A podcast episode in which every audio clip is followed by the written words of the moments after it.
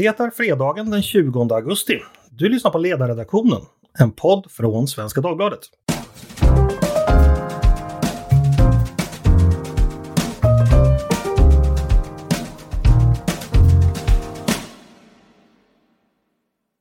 Ännu en vecka i det lilla egensinniga landet som Per Albin byggde och Ingvar möblerade. Som vanligt på fredagar ska vi på ledarredaktionen ta oss an veckans sällsamheter i politik och offentlighet. Jag heter Andreas Eriksson och med mig för att tolka tidens tecken har jag bland annat redaktionens biträdande chef Peter Wennblad. Välkommen hit! Tack så mycket! Du, jag tänkte kolla med dig. Redan före sommaren efterlyste du att någon gång få prata dålig politisk copy i podden. Mm. Gäller den önskan fortfarande? Eh, ja, det tycker jag. Eh, sen kanske vi ska spara den till närmare ja. valrörelsen. Ja, det, är då det, det är då det drar igång på allvar, den riktigt, riktigt dåliga reklamtexterna. Alltså den ska ju sparas. Vad jag gör är bara liksom att upprätthålla någon sorts eh, längtan efter det. Eh, vi får se. Vad är den dåligaste copyn som har varit hittills? Ja, men det ska vi inte prata om nu Paulina. Det, ska Nej, vi prata om det, är, det är en cliffhanger. Det är en cliffhanger. Men där presenterar hon sig själv, Paulina Neuding, vikarie på ledarsidan. Välkommen hit Paulina! Tack så mycket! Politisk copy kan vi bara lite kort. Eh, skriver du ofta sån? Jag? Mm. Aldrig gjort. Nej, jag? Väldigt förvånad. Nej, anledningen till att jag ville komma in på det här var ju att jag skrev ju en gång en copy för tidningen Neo som du och jag gemensamt ägde och drev för några år sedan. Och då nämnde jag någonting om tonfisk carpaccio. Och då ville inte du köra den på grund av att du inte tyckte om tonfisk carpaccio. Minns du det här? Nej. Och det var förstås ett sätt att härma då Peter Wemblad, också tidigare nya medarbetare, hans tidigare copy för samma tidning som var en hedonistisk formulering om krämig cappuccino, vilket eh, du säkert kommer ihåg Peter? Absolut, det blev ju så här Neos claim to fame i, i början. Ja, precis. Sen så tänkte vi om kring detta lite. Eh, hörni, vi har också med oss Tove Livendal, chef för ledarsredaktionen. Hej Tove! Hej Andreas! Här sitter jag faktiskt med min just hemgjorda krämiga cappuccino. Ja, då har du lite neo-claim du också. Mm. Du, jag tänkte bara kort ta upp en sak med dig innan vi börjar på allvar. Eh, du har ju då tagit redaktionen lite i örat när det gäller surströmming med en rättelse. Och eftersom vi också i podden förra veckan eh, skyltade med vår okunskap om just surströmming kanske vi ska ta det här också. Surströmming är en fermenterad, fermenterad fisk, inte sant? Så är det. Det, det, det var ohyggligt att höra det här, kan jag mm. säga, på avstånd. Det fick mig nästan att avbryta semestern. Ja. Men eh, vi ska ju snart ha redaktionskonferens och jag tänkte att vi ska fylla i kunskapsluckorna då. Precis, så efter det så kommer eh, Tove då som eh, norrlänning, vet naturligtvis detta. Vi fattiga sö sörlänningar och öbor kommer också att få lära oss detta. Men nu ska vi övergå till dagens ämne och Peter, jag tänkte börja med dig. Eh, Idag har du publicerat, eller har vi publicerat en artikel av dig vars blotta rubrik fick ankdammen att börja koka. Större delen av Twitter till vänster om David af Versén har redan uppgett sig dött i hjärtslag. Berätta vad du har gjort mot dessa stackars människor. Nej, men jag har ju skrivit om det faktum att eh, talibanregimen i Afghanistan har goda förutsättningar att bli en geopolitisk spelare att eh, räkna med. Alltså mm. Man brukar säga att i och med elbilsboom och smarta telefoner och klimatomställning så är liksom metaller och mineraler den nya oljan. Mm. Det var inte det som gjorde folk så upprörda. Utan Nej, det var, det var ju rubriken. Rubriken, rubriken var Miljöpartiet är talibanernas bästa vän. Mm. Det låter balanserat och välavvägt. Berätta vad som ligger bakom. Var, rubriken kanske var något mindre välavvägd än själva texten. Eh, men den handlar alltså om att eh, i Europa så förbrukar vi väldigt mycket av de metaller och mineraler som plockas upp eh, på jorden. Men vi är väldigt dåliga på att producera själva och det här är liksom ett säkerhetspolitiskt problem. Alltså vi gör oss beroende av metaller och mineraler från andra delar av världen och ofta från stater som inte är särskilt trevliga. Mm. Eh, vi är väldigt, i dagsläget väldigt beroende av, av Kina. Det går, det går inte att bygga ett stridsflygplan utanför Kina utan jordartsmetaller från Kina till exempel. Eh, och det finns, det finns stor sannolikhet för att Afghanistan kan... Afghanistan sitter på enorma metall och mineraltillgångar. och som naturligtvis talibanregimen känner till. Det var inte någon slump att, att eh, ledande talibanföreträdare har träffat den kinesiska regimen och att den, alltså, Kina har behållit personalen på sin ambassad i, i Kabul. Svaret på varför det alltså, är mycket, det finns delvis i den afghanska berggrunden. Därför mm. att Kina, Kina gärna vill hjälpa till att plocka upp så mycket som möjligt. Det kan man tänka sig. Men det finns ju också i den svenska berggrunden och därav kopplingen till Miljöpartiet. Ja, precis. Alltså, EU-kommissionen, eller även vad säger, Sveriges tidigare regeringar har ju påpekat många gånger att vi har liksom försatt oss i ett väldigt dåligt läge genom att inte ha mer egen försörjning av, av eh, råvaror. Att vi borde bryta mer metaller och mineraler själva. Och mycket av de metallerna och mineralerna finns just i Sverige. Men här har vi då ett miljöparti som inte är så sugna på att göra någonting åt den lagstiftning som idag gör det väldigt, väldigt, väldigt svårt att eh, starta en ny gruva i Sverige. Det har väl inte startat, jag minns inte ens när det startade en ny eh, gruva i Sverige, det är åtskilliga år sedan. Mm. Ett sak som slog mig i din text, du nämnde ju där exempelvis att EU tror jag det var, eh, konsumerar ungefär, eller använder sig ungefär 25 procent av världsproduktionen eller av alla, alla metaller, metaller och mineraler, medan vi bara mm. har en egen produktion av 3% så det är en minst sagt utsatt läge. Alltså, större delen kommer utifrån och knips det igen så är det, kommer det få stor påverkan. Absolut, och det här har ju redan skett. Alltså, Kina har ju använt eh, mot USA alltså metaller och mineraler som påtryckningsmedel i deras handelskonflikter. De är ju fullt medvetna om att stryper de utflödet av, av metaller så stannar den amerikanska försvarsmaterielindustrin. Mm. En fråga, du skriver inte om det, jag bara undrar ifall du har koll på det. Hur mycket av de här mineralerna har tagits tillvara hittills av, av den förra regimen i Kabul? Ligger allting kvar eller har man inte kommit igång och vad beror det i så fall på att man inte har brutit alltså, så mycket? Nej, men gruvnäringen är ju gravt underutvecklad i, i eh, Afghanistan. Eh, och det har ju olika förklaringar, men bland annat liksom korruptionen och misskötseln av, av, den afghanska staten under den amerikanska närvaron. Men faktum är att redan, alltså ett viktigt skäl till att talibanerna kunde ta makten, det är ju att de har haft kontrollen över ett antal eh, mer eller mindre illegala eh, gruvor. De har ju redan under vad ska säga, sin oppositionstid, eller vad man ska kalla det för, tjänat väldigt mycket pengar på gruvnäring eller gruvverksamhet. Det är väl deras näst största inkomstkälla efter opium. Mm. Eh, Tove, jag tänkte vända mig till dig. Det här som Peter beskriver om Miljöpartiet som bromskloss, det känner vi igen även från andra frågor. Framförallt då spänningar inom eh, regeringen, vi, gruvnäringen förstås då, eh, energifrågan är en annan.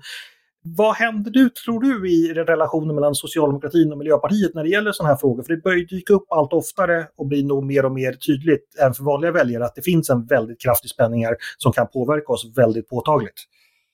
Ja, eh, det är lite grann som att se, man har som en så stor ballong som man bara trycker på med lite mer luft och så väntar man på när den kommer att brisera. Och det kan ju hända att det där löser sig av sig självt när vi kommer till nästa val, ifall Miljöpartiet inte blir kvar i en regering efter det och att det inte heller blir en socialdemokratisk ledd regering, det får vi se. Eh, så att just nu så tror jag att det är bara det att de blåser in lite, lite luft för varje vecka och hoppas att det inte ska smälla före nästa val. Och sen får man börja med ett nytt bord då. Men det är ju, ja, det är precis som du säger, att det är ju fråga efter fråga som det här eh, väldigt ansträngda förhållandet visar sig. Och eh, det, det som är allvarligt är ju inte att det är spänning i regeringen, utan att utfallet för Sverige blir så himla illa.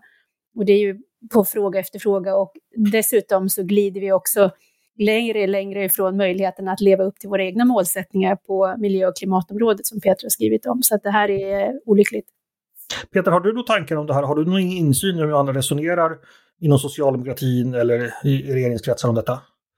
Insyn var kanske att ta i, men det, det går ju att räkna ut att det här är såklart en, en smärtpunkt. Liksom. Det, det, finns ju i, i socialdemokratins DNA att, vara, att man i industrivärlden liksom ser, ser värdet av Sveriges råvarutillgångar.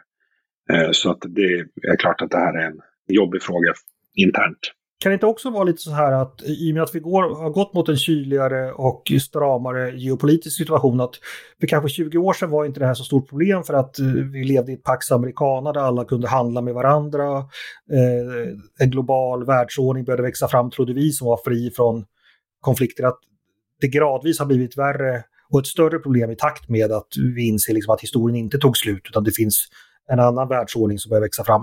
Vad tänker du om det Peter? Kan det finnas? Jo, men absolut. Det, det ligger eh, mycket i det. Eh, när det gäller oljan, alltså dels så har vi ju liksom oljans betydelse kommer liksom minska framgent, men där lyckades ju även ja, men till exempel USA göra sig mångt och mycket. Amerikanerna lyckades ju mångt och mycket göra sig oberoende av, eller i alla fall mindre beroende av, av eh, olja från eh, Mellanöstern genom mm. egen utvinning. Men i, i det här fallet när det gäller metaller och mineraler så är det åtminstone för Europas del väldigt långt kvar innan vi är självförsörjande.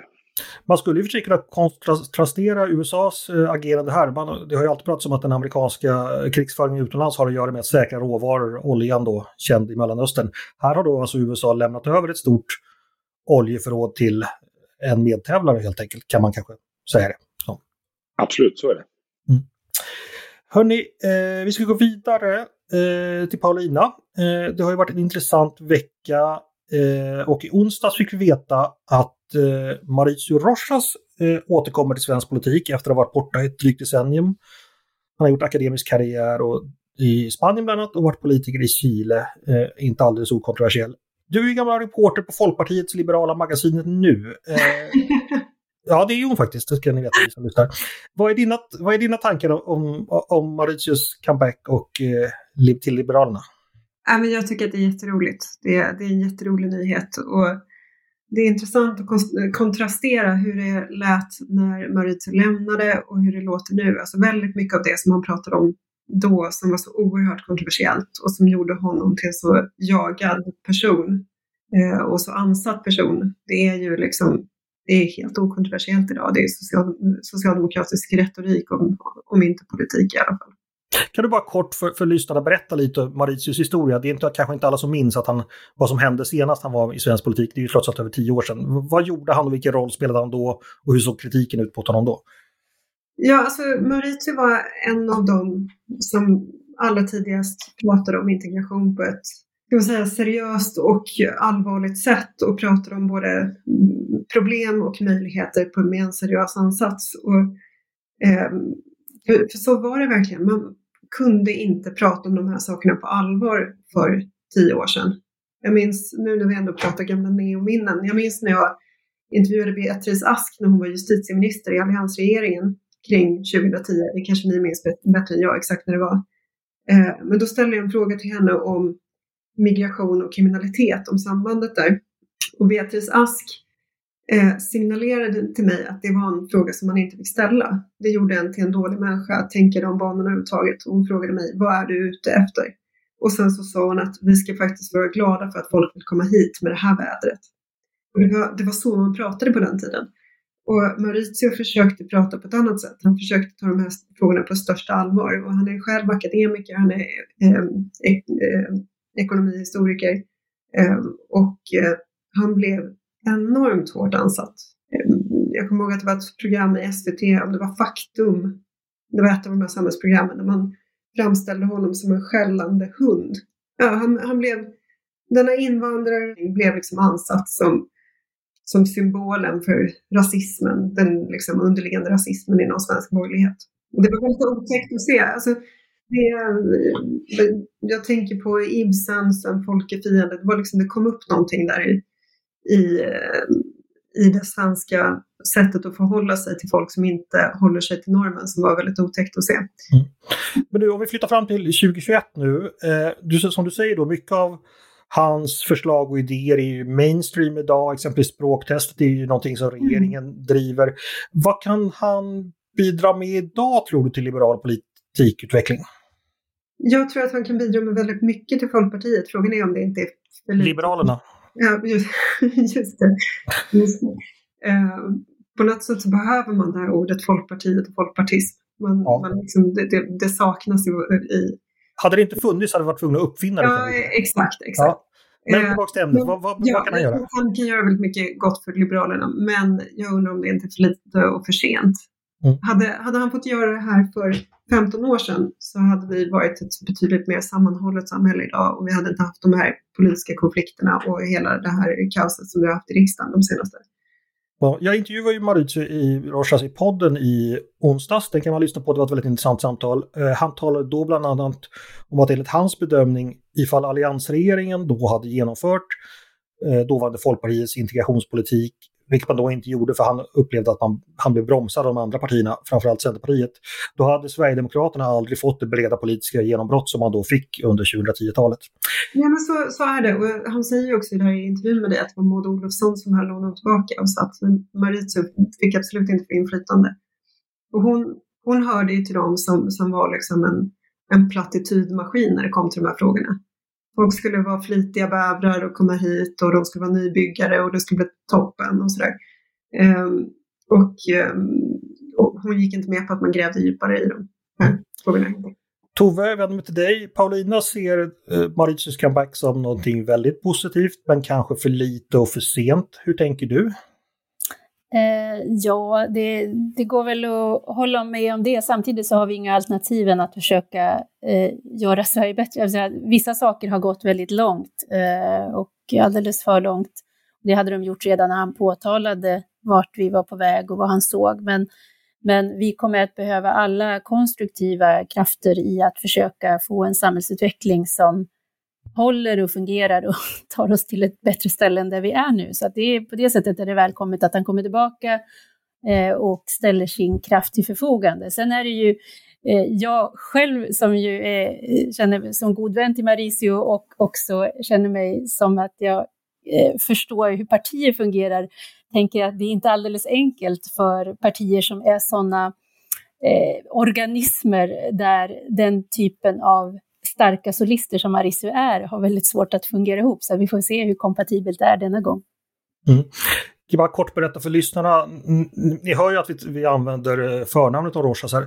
Det är ju att Mauricio Rojas är en väldigt central gestalt i eh, vad ska jag säga, den borgerliga liberala opinionsbildningsvärlden. Han var ju verksam vid tankesmedjan Timbro under 00-talet. Eh, många som idag ägnar sig åt eh, liberal borgerlig opinionsbildning har haft honom som lite mentor. Han har varit rektor för det som kallas Stureakademin i några år. Så att han är en intellektuell gestalt som kanske inte all, man kanske inte förstår riktigt utifrån hur, hur stor och viktig han har varit för många människor under några år. Eh, så att det, det kan vara en upplysning som kanske inte är alldeles transparent helt, men så är det. Det, det är en väldigt bra, bra upplysning och poäng. Mm. Eh, jag tänker också på, du frågar vad det betyder för Liberalerna. Eh, jag undrar om man delar Mauritius syn på migration och på integration, vågar man då lägga sin röst på Liberalerna? Eh, jag, tror, ja, jag är inte säker på det. Jag tror inte att eh, väljarna är säkra på det heller. På tal om Tove, vad, vad man, hur, hur partier fungerar och hur mycket man kan åstadkomma som enskild person. Ja.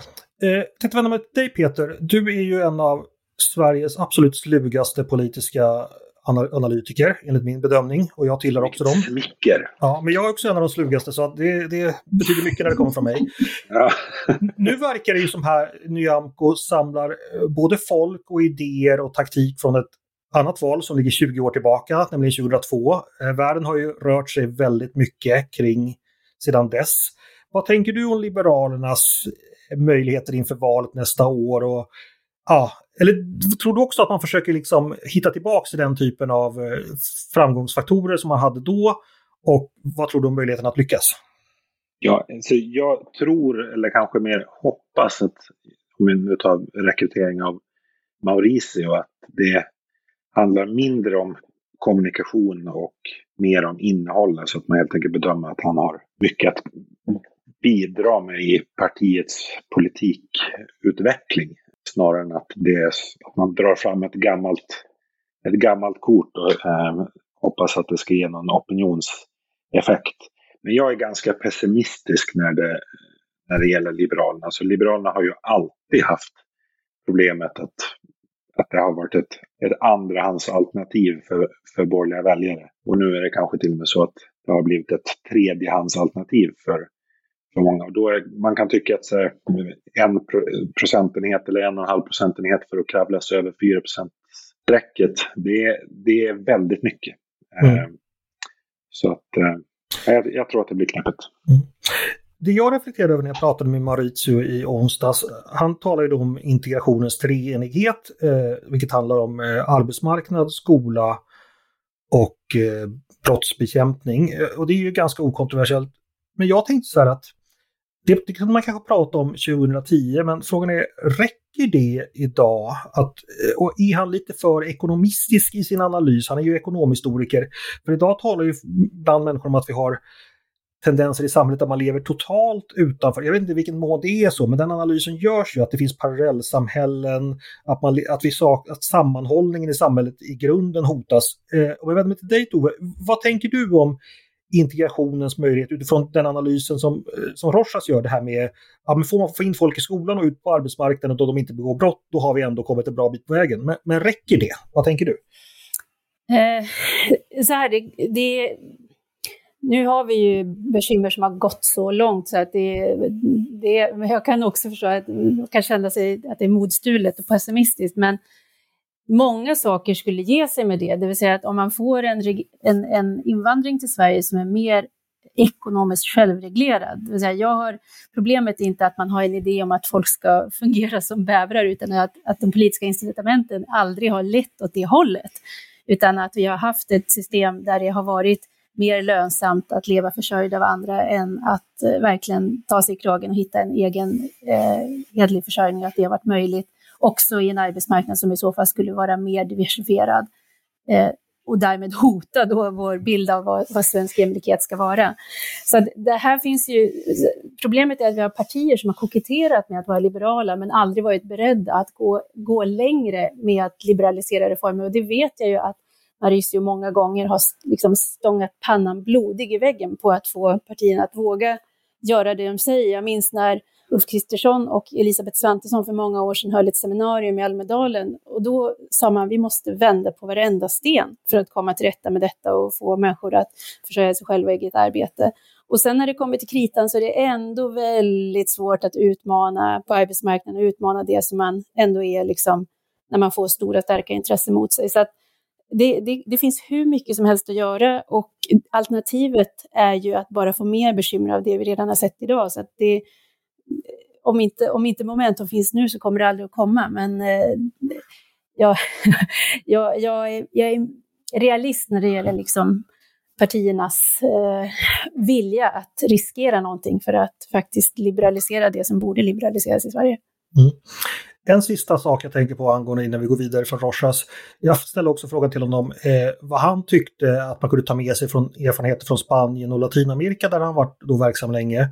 Och han talade då om den här politiska polariseringen där som han menar har gått läng längre än, än den har gjort i Sverige och att den har blivit ett hot mot hela det demokratiska samtalet. Och så. Och då tänkte jag vända mig till dig Paulina. Det är ju så att det har ju hänt en del också med samtalet sedan 00-talet när Rochas var verksam senast. Vi har, det, ja, han har ju aldrig levt liksom, i svensk politik under Facebook och Twitter och sådär. Hur tror du han, ja det är svårt att tala för honom, men vad tänker du om det? Att liksom, vi har den här extrema personfixeringen, de här attackerna, den här extrema svartmålningen av vissa personer. Hur, hur, ja, hur kommer alltså, han klara det? Det här är ju en sjuka över hela västvärlden. Um, och det, här, vi har ju en tendens att tänka att i Sverige beror det på de här specifika faktorerna, att vi har blivit så uppdelade av migrationen och brottsligheten och så vidare. Och sen så kollar man på Polen som är exakt precis likadant. Folk liksom är exakt lika uppdelade där, det är precis lika hetskt. Och sen så kan man gå från land till land och inse att det är precis det. Alltså, omständigheterna i detalj skiftar, men det är samma sak överallt. Så att det där har jag nog sett rätt mycket av i, i Latinamerika också. Mm. Eh, det är ju för sig intressant. Hur, hur har det kommit sig? Är det, ska vi skylla på internet eller varför har det blivit så här? Ja, men vet du vad? Svaret kommer i en intervju som jag precis har gjort med Christopher Caldwell. Eh, som är en av den eh, ja, amerikanska högerns tunga intellektuella. Han var med i kretsen kring eh, tidningen Weekly Standard. Eh, och är expert på Europa och eh, ja, vad, vad, vad, som händer här. Så vi håller på, vi, vi pratar om det. Jag kan inte säga att svaret kommer, men vi, det var någonting som vi berörde och som kommer i en intervju mycket snart. Då har vi ytterligare en cliffhanger där, spännande. Eh, då ska vi gå vidare till dig Tove.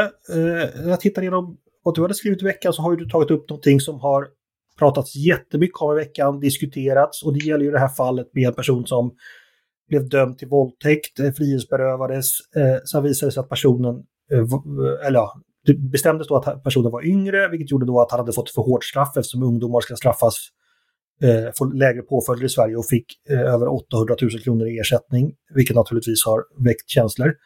Vad skrev du om det och vad har du för tankar om detta fall? Ja, eh, slutsatsen är ju att det finns en, en stor skillnad mellan vad, som, vad, vad juridikens utfall blir och vad det allmänna rättsmedvetandet hos befolkningen säger. Därför att det blir en, det blir en sån orimlig konsekvens av att en person som har dömts till ett eh, grovt brott och eh, det finns ett offer som är beviljat skadestånd, men de här pengarna då som har betalats ut enligt en annan lag och som jag tycker ska försvaras, det vill säga att man ska kunna få eh, ersättning om man har felaktigt suttit frihetsberövad. Det, det, är en viktig del.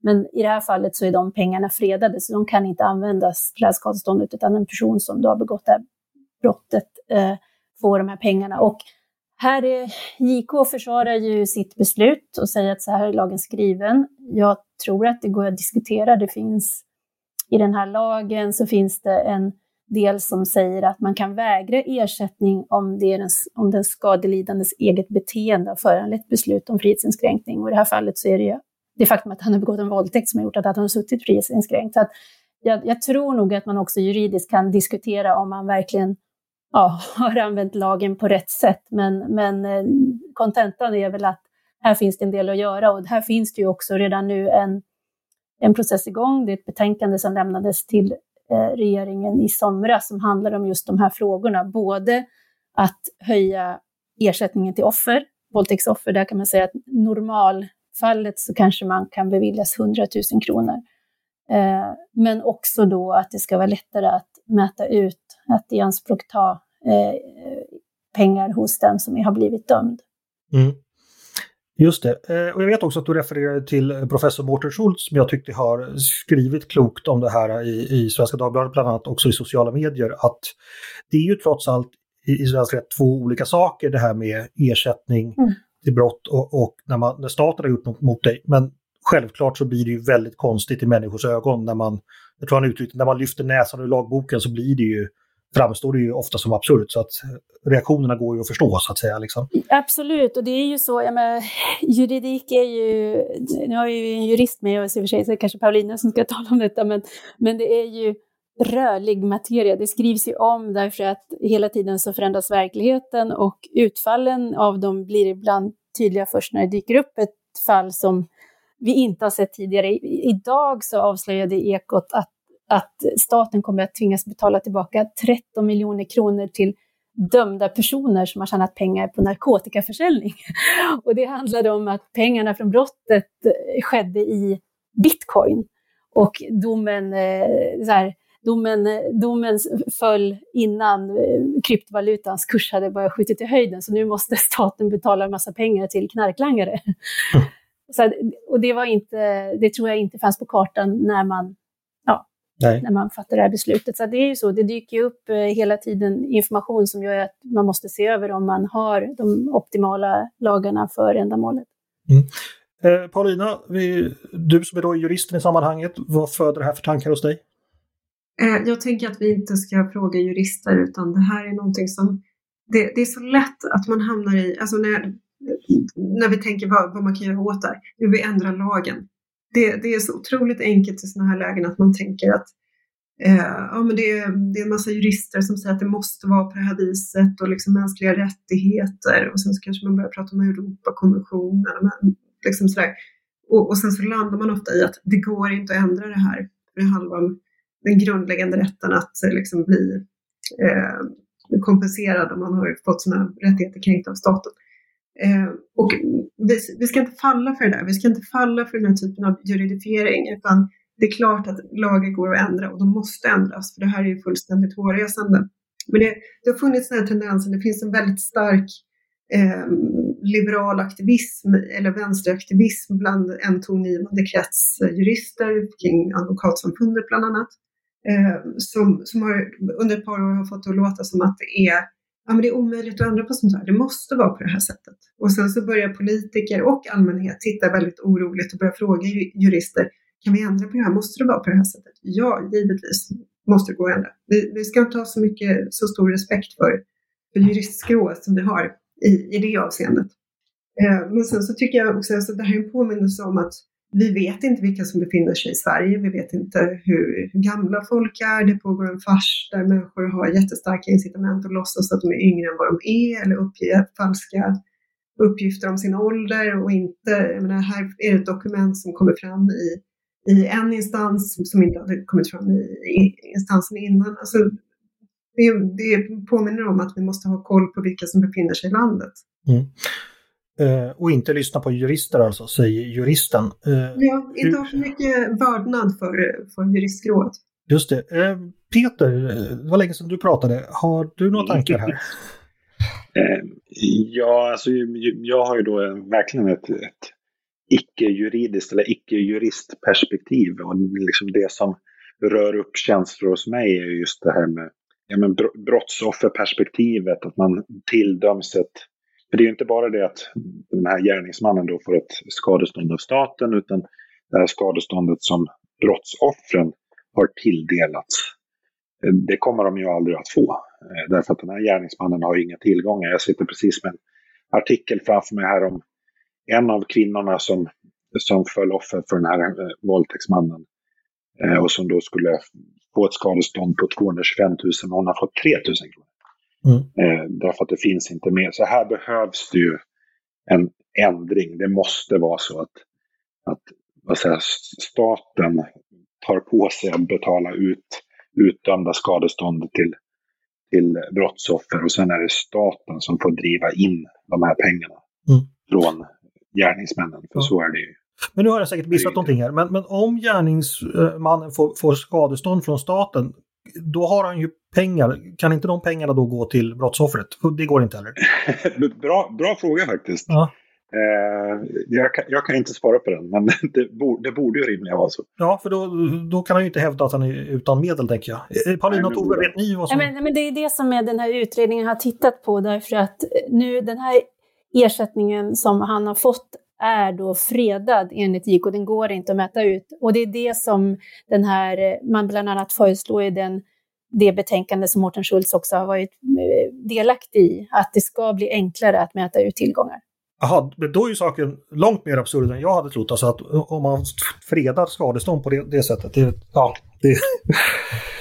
Då jag, jag, jag, var själv, jag, var, jag var själv med om eh, för något år sedan, det var, vi pratade om ett brott av mycket, mycket mildare karaktär. Jag fick min cykel stulen och sen upphittad och blev tilldömd då ett, ett skadestånd från, av eh, gärningsmannen. Och det gör ju någonting med rättsförtroendet för liksom rättssystemet. När jag, redan när jag fick det brevet med det, så visste jag att det här kommer jag aldrig att få. Alltså nu behövde jag inte det, men det, när det blir ett, liksom, ett spel spel för gallerierna.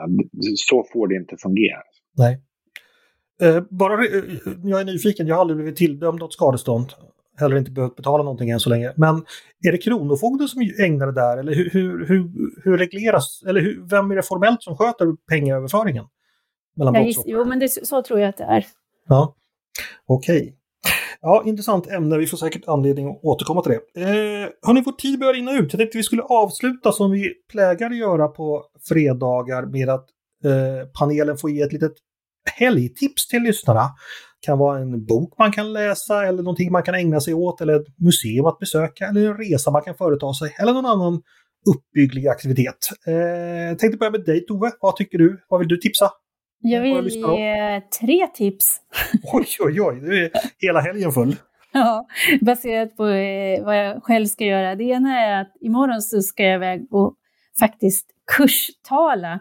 Och det, har, det, har inte, det var länge sedan, det var liksom någonstans före pandemin som jag ägnade sig åt att hålla kurspass. Eh, så nu ska vi prata både politik och eh, skrivande och sådär. Och det, uppmaningen här är att pay it forward, hitta personer att eh, dela med dig av den kunskap du har. Det tycker jag är viktigt. Det andra är att jag ska faktiskt begå kräftpremiär. Och det är ju liksom fin tid för det nu, att prova de svenska kräftorna.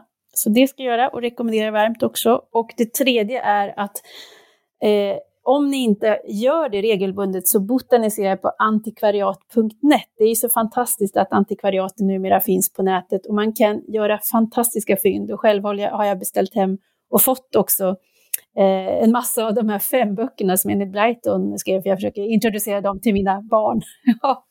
så det, det har vi högläsning av. Men, och sen är det, det är också fantastiskt, för när man beställer från flera antikvariat och får hem de här paketen så får man dessutom, om man som jag då är gammal filatelist, en högtidsstund därför att de har de skickar frimärken som fanns på 80-talet. jag vet inte, på något sätt så måste de ha bunkrat massor av dem, för det är alltid sådana historiska eh, throwback Thursdays när de där paketen kommer. Så det rekommenderar jag varmt. Mycket, mycket bra tips. Eh, Paulina, vad säger du? Har du någonting att bjuda på? Ja, nu känner jag att jag vill ha fyra tips. Ge fyra tips. Fem böckerna är ju 21 stycken till antalet. Ja. Och de är otroligt bra och uppbyggliga och det är liksom rådiga ungdomar som gör bra saker. Inte håller på med sina mobiltelefoner. Så det är ehm, Sen så, själv ska jag läsa om, nämnde Christopher Caldwells senaste bok The Age of Entitlement. Eh, och boken som han släppte för 12 år sedan som heter Reflections on the Revolution in Europe. Eh, det var tre tips och sen så hade jag ytterligare någonting. Jag räknar ju fem böckerna som 21 tips och du då... ja, men jag, jag ja. sätter punkt där då. Ja. De här rådiga ungdomarna, alltså, eh, ja, jag, jag vet inte bara kort Tove, de här fem, jag känner inte till detta så väl, jag tänker på Scooby-Doo när jag tänker på, på det, men är det, löser de mysterier? Är det är det, det de gör? Eller? Ja visst, det gör ja. de. Och gör, de gör en massa goda saker faktiskt. Och, och det är civilsamhället in, in work. De är fyra barn och en hund. ja, Scooby-Doo. Mm. Men, men jag antar att det, det ägnar sig inte åt eh, någons flört eller svärmning eller något sånt där och ingen, inga droger eller någonting utan det är väldigt... Ja, nej, det, det är väldigt eh, platonskt. Och... ja. kan man säga. Fiberrikt. Det är roligt för det är en flicka där som, vi ska inte säga för mycket, men det är en flicka där som är som vill vara en pojke. Och det är ett genomgående tema, att hon kräver att bli behandlad som en pojke och ha ett pojknamn. Mm, ja. Och det är ganska kul att se hur liksom, 40-talets engelska samhälle eh, skildras i det avseendet. Hur, hur en sån sak kan tänkas ha sett ut då. Mm. Eh, Peter, läste du eh, fem böckerna som barn? Eller? Nej, det, det, gjorde jag faktiskt inte. Jag Läste däremot mycket Olof Svedelids historiska ja. ungdomsromaner. Slottet brinner. Slaget vid ringmuren. Jagad. Eh, skjut kungen. Äh, återtåget. Gud, jag kan nämna de här allihopa. Trälarna var det någon som inte också. Trälarna är ju Sven Wernströms äh, serie. De här... Ja, du, nu öppnade jag Pandoras alltså, aske. Trälarna är ju då den stora Pandoras Norrköping... bokkasse. den stora Norrköpingssonen Sven Wernström som då skildrade trälarnas historia från 1000-talet fram till 1970-talet är den sista boken skriven då. Där man får helt enkelt följa en släkt med då från början trälar, men han visar ju då att det träldomskap som avskaffas med Magnus Eriksson på 1300-talet, eh, exploateringen då, han är ju då marxist så han gör ju den analysen, exploateringen fortsätter ju genom seklerna och det är liksom barnen till barnen till barnen är alltid de som har det sämst i samhället. Det är fantastiskt, fantastiska böcker, naturligtvis tyngda av ett politiskt barlast som eh, kanske framstår som lite väl, men, men ändå spännande och intressanta. Så de är nog väl värda att läsa fortfarande. Tillsammans då med Olof Svedlis böcker, han hade ju inte alls samma ambition att till marxistisk analys. Men jag håller verkligen med eh, Peter, de var, de var fantastiska böcker. Skildrar, det är alltid ett barn som är i centrum. Liksom, när kung mor, mor är ingen häxa. Ja, den också, just det. Ja, men eh, Han lyckas alltid få ett litet barn då, så det är alltid barnperspektivet med då som, som är, står i centrum för berättelsen när Sveriges historia skildras. Eh, jättebra. Olof Svedlid, han var ju en fantastiskt produktiv författare. Jag vet inte hur många böcker han skrev i alla olika serier. Eh, det här är inte avsnitt känns det som. Det måste bli. Eh, vi får nog ringa Kalle Lind på Snedtänk så får vi hoppa över dit istället. Peter, du skulle också ge ditt helgtips. Precis, ja, men då kan jag då tipsa om Olle Svedlids uh, ungdomsromaner. uh, men sen även jag ska ju på kräftskiva, dock inte kräftpremiär, för den hade jag förra veckan. Men jag kan ge tipset, man blir ju nästan alltid besviken på kräftorna. Det är mycket jobb för ingenting. Jag gillar ju krabba. Så att till förra veckans uh, kräftskiva så köpte jag några hela färska krabbor och klöv på mitten. Näst, ja, jag skulle säga det är li, lika gott men mer att äta. Mm. Tänk på bara att de ska vara välmatade så ber de gärna att få dem halverade redan i butiken som ni tittar på. Precis. Det ska sägas också att eh, skaldjur ska ju vara så bäst i månader med R. Och så här i augusti så är det lite tidigt. Men snart har vi ju september. Så att då kan man äta det. Jag rekommenderar att äta krabba med eh, hovmästarsås. Eh, tre delar senap, tre delar socker, tre delar olja, en del vinäger och så lite hackad dill i. Ja, då är det bara mitt tips kvar. Eh, om ni vill höra det. Jag trodde det var hovmästarsåsen. Det var inte hovmästarsåsen. Jaha, nej men då skiter vi mitt i nej, nej, nej, nej, nej, nu vill vi höra. Jag har ju fortsatt att utforska, eh, jag har ju hållit på det här, tipsat om gamla Runeberg-böcker och sådär som finns på, men nu, nu har jag då gått ett, ett steg längre och gått in på Internet Archive, den här sidan där gamla internetsidor finns. Och då har jag hittat en hemsida som släktingar till den stora Svenska Dagbladet-profilen Stig Olsson, känd under pseudonymen Gitz Olsson, har lagt upp. Sidan finns alltså inte uppe fortfarande, men den finns på Internet Archive. Och där finns alla hans kåserier, både från Svenska Dagbladet och tidningen C, samlade. Och det är ett fantastiskt tidsdokument att läsa. Känner ni till Gitz Olsson? Ja. Ja. ja. Vad tycker ni om honom? är det nu man ska eh, avslöja sin okunnighet här igen? Nej, men kan, kan ingenting om surströmming, kan ingenting om Gitz-Olsson. Nej, men alltså, han är bortglömd idag, men han eh, skrev då på svenska, han dog knall och fall 1985 på sin post. Precis efter han lämnat sin sista text, eh, skrev han på i dagsidan. Och de är väldigt roliga kåserier om vardagslivet i Sverige på 70 och 80-talet. Där liksom tas upp så dagsaktuella frågor på ett humoristiskt sätt som idag är helt bortglömda men som är ett fantastiskt tidsdokument. Så gå in på webbarchive, skriv in gitsolsen.se och njut av gammal god gubbhumor från 1900-talet.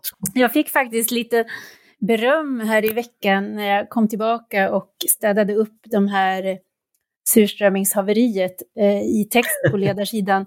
Då var det någon som påmindes eh, om Gitz Olsson och det var menat som en komplimang. Jaha, ja det är det. Han var ju eh, en person, han började som volontär på, på någon landsortstidning, jobbade sen, men alltså en fantastisk stilist och väldigt bildad på ett sätt som folk nästan inte är nu för tiden. Eh, så att, eh, ja, bara, bara det, att njuta av språket och alla referenserna samtidigt som det är väldigt grovhugget, vardagligt och eh, grovkornigt. Eh, det, det är ett nöje. Det, det, låter, det låter som du, Andreas. Du kanske ska jag kanske bli den, den nya Gits. Alltså det är den långsiktiga planen, men, men jag vill ju inte förhäva mig. Jag får nog bli lite mer gubbig i skärgården först. Men hörni, vad bra. Då är vi väl eh, klara för idag. Intressant. Det är vi. Ja. ja vi, vi, andra ska göra tidning, men ja. ta helg du. Nej, jag ska återgå till andra arbetsuppgifter jag också. Eh, tack Peter, Tove och Paulina för att ni var med idag. Tack Andreas. Och tack till er som har lyssnat. Eh, jag ska bara passa på också att tipsa. Eh, det finns ju flera poddar på Svenska Dagbladet. En av dem heter Dagens Story. Eh, där får man på en kvart varje dag en fördjupning i ett aktuellt ämne. Så att Eh, när ni har tröttnat på oss och våra skaldjurshistorier så går man över till Dagens Story och får lite tajtare nyhetsuppdateringar. Eh, det ni lyssnar på nu är i alla fall Ledarredaktionen, en podd från Svenska Dagbladet. Hör gärna av er till redaktionen med tankar och synpunkter på det vi precis diskuterat. Om ni exempelvis har ett bättre recept på hovmästarsås eller vad det kan vara. Eh, eller vad saker vi ska ta upp i framtiden. Vi behöver ständigt nya tips till ledarsidan. Eh, Mejla ledarsidan snabel svd.se. Dagens producent, han heter Jesper Sandström och själv heter jag Andreas Eriksson. Jag hoppas att vi hörs igen snart.